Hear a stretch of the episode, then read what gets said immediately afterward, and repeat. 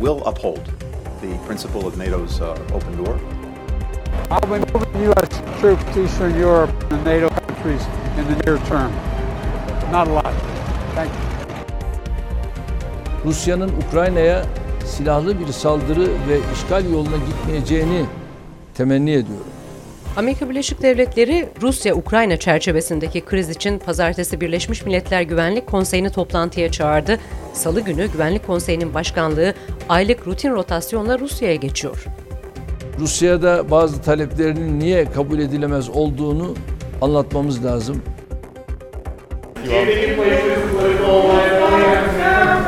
That's a great asset. More inflation. What a stupid son of a... Geçtiğimiz haftaya Amerika Birleşik Devletleri Başkanı'nın Fox News muhabirine küfretmesi damgasını vurdu. Does the president regret saying what he said about Peter? Can you shed some light if you have any have had any conversations with him today about what happened last night? Well, I I would say what's most important, and I, it's Peter sitting here, so this is kind of a funny thing, but uh, the pre- the president uh, the president um, called Peter Washington raporuna hoş geldiniz. Ben Serra Karaçam. Ukrayna ile ilgili haftanın gelişmeleriyle devam ediyoruz. Ardından diğer başlıklara bakacağız. Bu hafta Amerika Birleşik Devletleri NATO operasyonu olarak ifade ettiği Doğu Avrupa'ya olası bir konuşlandırma için 8500 kadar askeri alarma geçirdi. Amerikan istihbaratı ise Putin'in orduya sınırın ötesine geçme emri verip vermeyeceğini veya ne zaman için vereceğini öğrenmeye çalışıyor. From Belarus all the way around. It means that he is looking like he's going to do something. Secretary Austin has placed a range of units in the United States on a heightened preparedness to deploy, which increases our readiness to provide forces if NATO should activate the NRF or if other situations develop. Amerikan Dışişleri Bakanı Blinken, Rusya'nın Ukrayna'nın NATO'ya alınmamasına yönelik talebine olumlu yanıt vermediklerini, NATO'nun açık kapı politikasında değişiklik olmadığını söyledi. Beyaz Saray sözcüsü Jen Psaki ise Rusya'nın Avrupa'ya yaptığı doğal gaz ihracatında herhangi bir azalmanın Amerikan fiyatları üzerinde minimum etkisi olacaktır dedi. Amerikalı ve Ukraynalı yetkililerin Rusya'nın olası bir Ukrayna işgalinin risk seviyeleri konusunda aynı sayfada olmadığı görülüyor. Rus ordusu Cuma günü ise deniz ve topçu tatbikatları düzenledi. Rusya'nın Karadeniz filosuna ait savaş gemileri yüzen ve havadaki hedeflere ateş açarken 150. Tümen Topçu Birlikleri uzaktan atış talimi yaptı. Kiev'de ve sınıra yakın bölgelerde de olası bir işgal durumuna hazırlık için eğitimler sürüyor. Biden ise son yaptığı açıklamada Doğu Avrupa'da bulunan NATO ülkelerine belli sayıda Amerikan askeri gönderileceğini, çok fazla sayıda olmayacağını ifade etti.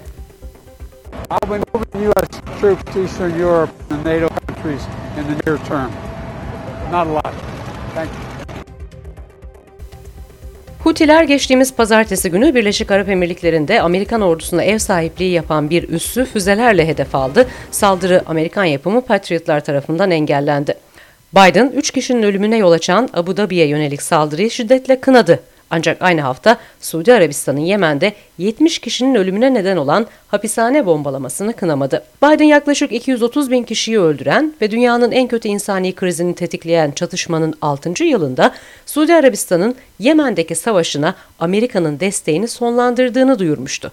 Pentagon'a göre Suudiler Ocak ayından bu yana füze ve insansız hava araçlarıyla yüzden fazla sınır ötesi hava saldırısına maruz kaldı. Amerikan Kongre üyeleri ise terörle mücadele saldırılarında sivillerin ölümüyle ilgili artan endişeyi takiben Başkan Biden'ı Amerika'nın şüpheli teröristlere karşı drone saldırıları kullanma politikasının tam olarak gözden geçirilmesini emretmeye çağırdı. Biden yönetimi Kahire'nin insan hakları siciliyle ilgili süregelen endişelere rağmen Mısır'a 2 milyar doları aşkın tutarda silah satışına önce izin verdi. Amerikan Dışişleri Bakanlığı satışın askeri uçakları, hava savunma radar sistemlerini ve diğer teçhizatı kapsadığını açıkladı. Ancak tepkiler üzerine askeri yardım kararının uygulanması reddedilecek gibi görünüyor. Federal Ticaret Komisyonu FTC, Lockheed Martin'in roket motoru üreticisi Aerojet Rocketdyne'ı satın alımını engellemek için tekelcilikten dava açıyor. FTC, Lockheed'in Aerojet üzerindeki kontrolünü pazarı daha konsolide etmek adına rakiplere zarar vermek için kullanabileceğini savunuyor. Bu durumun ulusal güvenlik tehdidi oluşturacağı ifade ediliyor. Diğer yandan tüm silahların birbirine bağlanması projesi ise gündemdeki yerini korumakta. Market hukuk anketi Amerikalıların yargı ile ilgili konulara bakış açısını ortaya koydu. Teksas kürtaj davası, federal aşı ve test mecburiyetleri ve her iki partiden başkanlar tarafından kaç yargıç atandığına dair farkındalık da dahil olmak üzere Yüksek Mahkeme hakkında yeni ulusal görüş anketi yayınlandı. Buna göre genel olarak Amerikalılar bireysel olarak yargıçlara ilişkin görüşlerini partizan görüşleri doğrultusunda yapılandırıyor.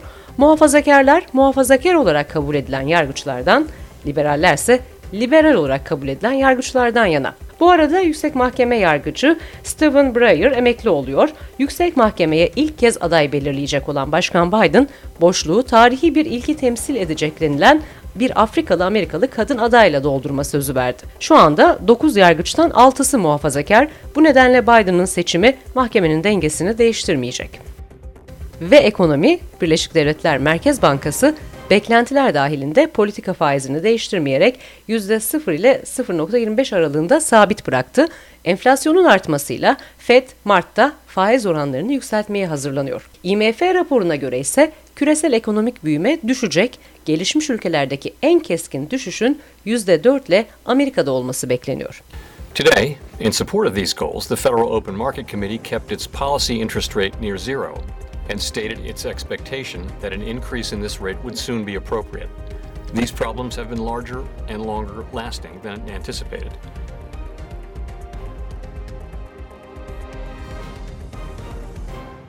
We're going to stamp everything we can made in America, especially these computer chips.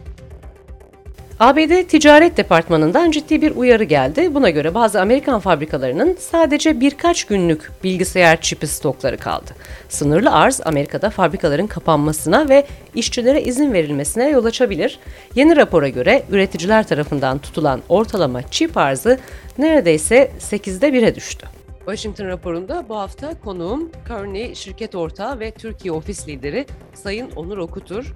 Ee, çip krizini konuşacağız. Amerika'da stoklar azaldı, dünya genelinde de azaldı. Üretimde tedarik zinciri krizi ve çeşitli nedenlerden azalmış durumda. Fabrikaların kapanma riski var. Ee, burada Amerikan yönetimi dile getiriyor.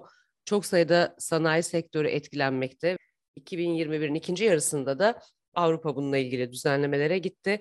Hangi politikaların etkisi var? Çin'e Amerikan yaptırımlarının etkisi var mı? Hangi ülke nasıl etkileniyor konuşacağız. Onur Bey hoş geldiniz. Hoş bulduk Serra Hanım. Teşekkür ederim. Krizin temel sebebi nedir? E, çok e, önemli bir sorunla karşı karşıyayız. Bir krizle karşı karşıyayız. Bunun aslında tek bir tane sebebi yok. Amerikalıların kullandığı bir perfect storm deyimi vardır. Hani bütün ters gidebilecek şeylerin aynı anda ters gitmesi nedeniyle sorunla karşı karşıyayız. Ben kabaca dört ana sebepten bahsetmek istiyorum. Bir tanesi Covid salgını. Covid salgını ıı, nedeniyle dünyada arz ve talep dengeleri değişti. Çip arzının otomotivden tüketici elektroniğe kayması bunun bir sebebi. 2020'de hızlı hızla düşen ve sonrasında hızlı bir toparlanma yaşayan artan otomotiv talebi bunun bir sebebi. Covid etkisiyle tüketici elektroniği dışında yeni teknolojilere olan talebin de hızla yükselmesi var iletişim araçlarına, 5G teknolojisine, IoT dediğimiz internete bağlı cihazların sayısındaki artışla e, paralel olarak buradaki COVID'in tetiklediği arz talep dengesizliği var. Birincisi bu. İkinci sebep politik sebepler.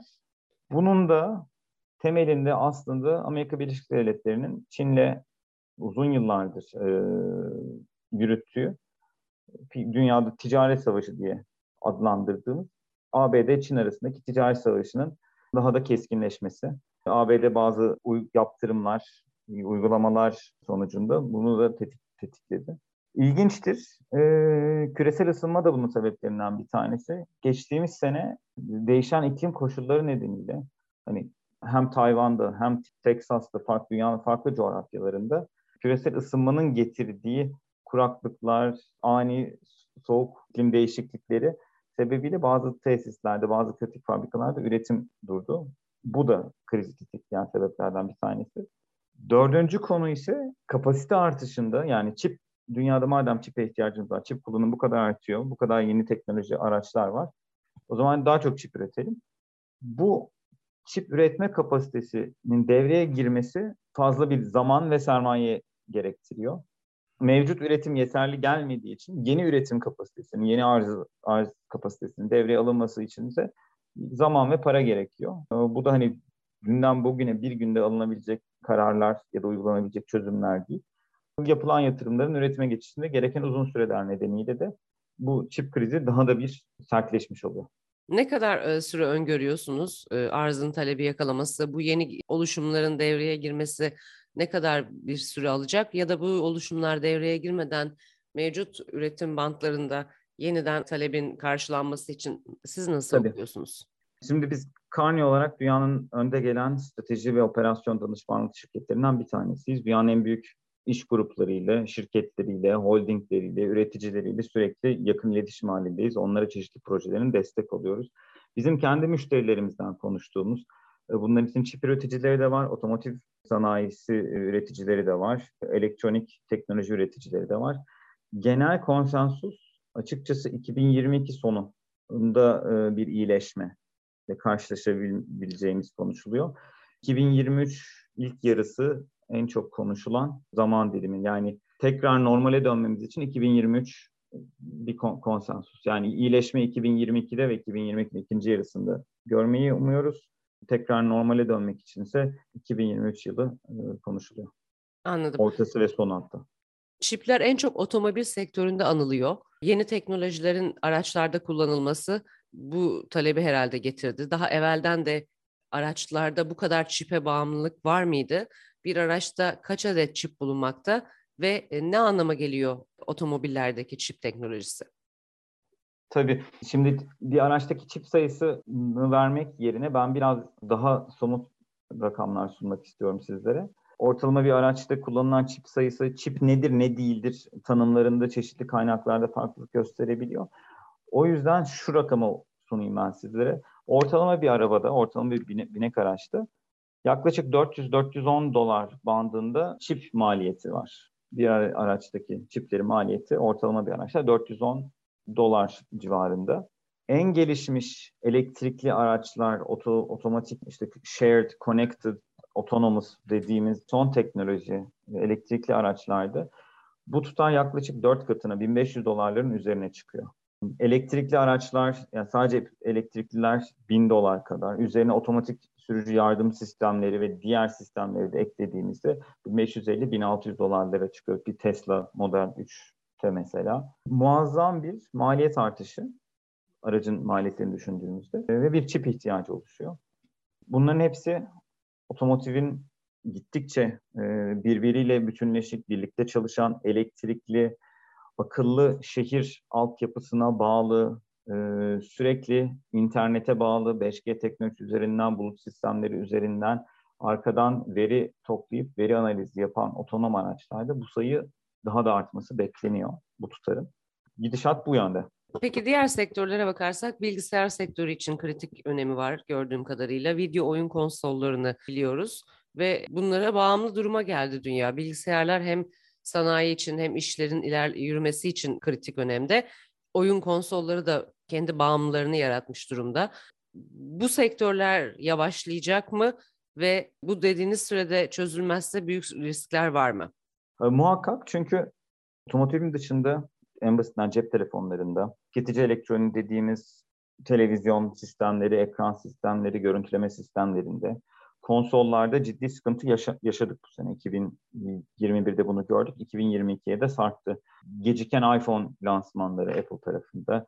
Sony'nin çip sıkıntısı nedeniyle PlayStation 5 konsollarında hedef tut, satış hedefini tutturamayacağı. Samsung'un yeni tablet ve telefonlarının yeni modellerin sunumunda 2022'nin ortalarına kadar sarkma olacağı duyuruldu.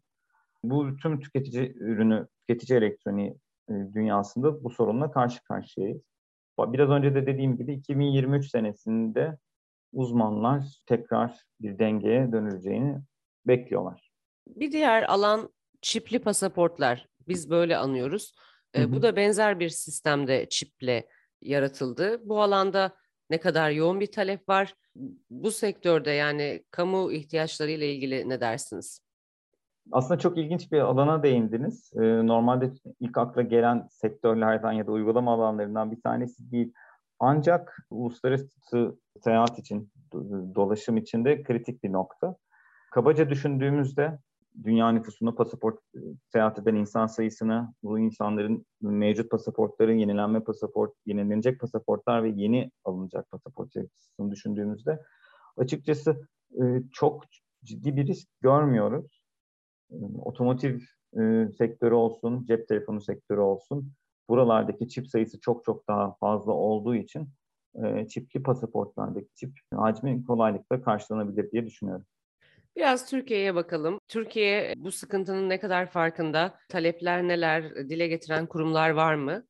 Tabii çip krizi konusunda e, Türkiye bildiğiniz üzere özellikle yüksek ihracat rakamlarıyla otomotiv sektöründe çok önemli bir üst üretim üssü. E, hem iç pazar için hem de ihracat pazarları için e, Türkiye otomotivde çok önemli bir pazar, e, bir üretici.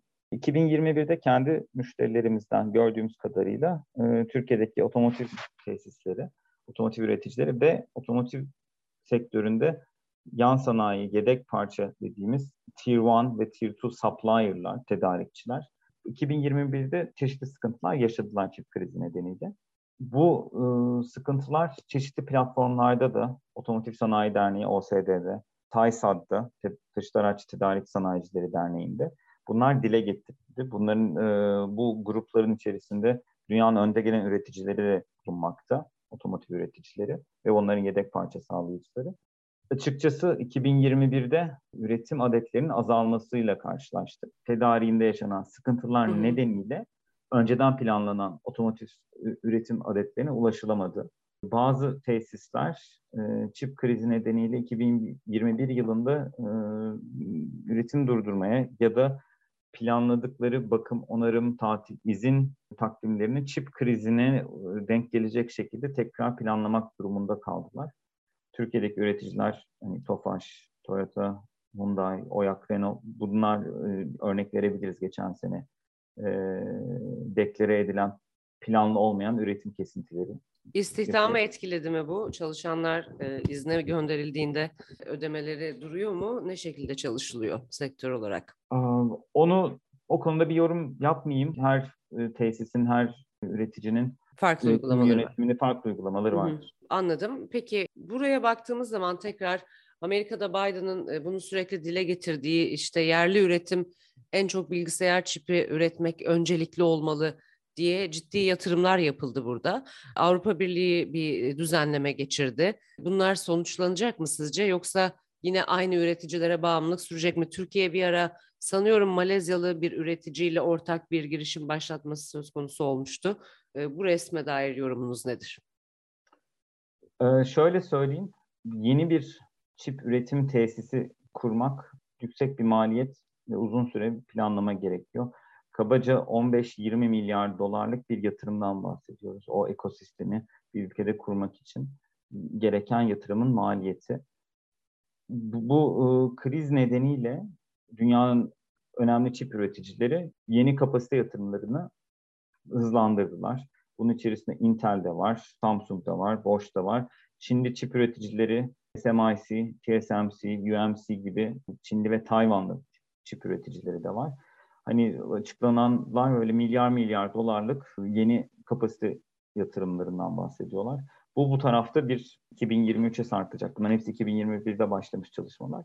2023'te sonuçlarını görmeyi beklediğimiz e, kapasite yatırımları. Aynı zamanda ülkelerde pek çok devlet çip üretim destekleyici teşvik paketleri ve vergi indirim planları açıklamakta. Bunun için Amerika Birleşik Devletleri de var, Çin, Kore, Avrupa Birliği, e, Hindistan, Japonya gibi ülkeler e, halka açık bir şekilde çip argesi için e, yeni teşvikler, vergi indirimleri, e, ek fonlar, arge yatırımları açıkladı bu, bu devletler. O yüzden e, önümüzdeki dönemde çip krizini bir daha yaşamamamız için gerekli önlemlerin alın, alındığını görüyoruz pazarda. Evet, Onur Okutur, Carnegie şirket ortağı ve Türkiye ofis lideri. Çok teşekkür ediyoruz vaktiniz için. Ben çok teşekkür ederim. İyi günler. Haiti Devlet Başkanı Jovenel Moïse suikastının zanlılarından biri Miami'de tutuklandı. 42 yaşındaki eski bir Kolombiyalı asker ifadesinde kimin öldürdüğünü bilmiyorum dedi ancak cinayetin içinde bulunduğu odada gerçekleştiğini itiraf etti. Haitili başkanın ölümü için çok sayıda Kolombiyalı askerin kiralandığı ve Haiti'ye getirildiği aktarılıyor. Haiti kökenli 3 Amerikalı ise suikastla ilgili Haiti'de cezaevinde bulunmakta. Ve Washington raporunda gelecek hafta. Başkan Biden pazartesi günü 31 Ocak 2022'de Katar emiri Beyaz Saray'da ağırlıyor. Körfez'de ve Orta Doğu bölgesinde güvenlik ve refahın teşviki, küresel enerji kaynaklarının istikrarı, Afganistan halkının desteklenmesi, ticari ve yatırım işbirliği de dahil olmak üzere iki ülkenin karşılıklı çıkarları olan küresel meselelerin ele alınacağı açıklandı. Biden yönetimi şu anda Katar'daki bir Amerikan askeri üssünde bulunan Afgan mültecilerin 30 günlük bir süreçte Amerika'ya yerleşmesini de hızlandırmayı planlıyor. Peter spoke to this. The president called him. Uh, he conveyed uh, to him that it was nothing personal, man.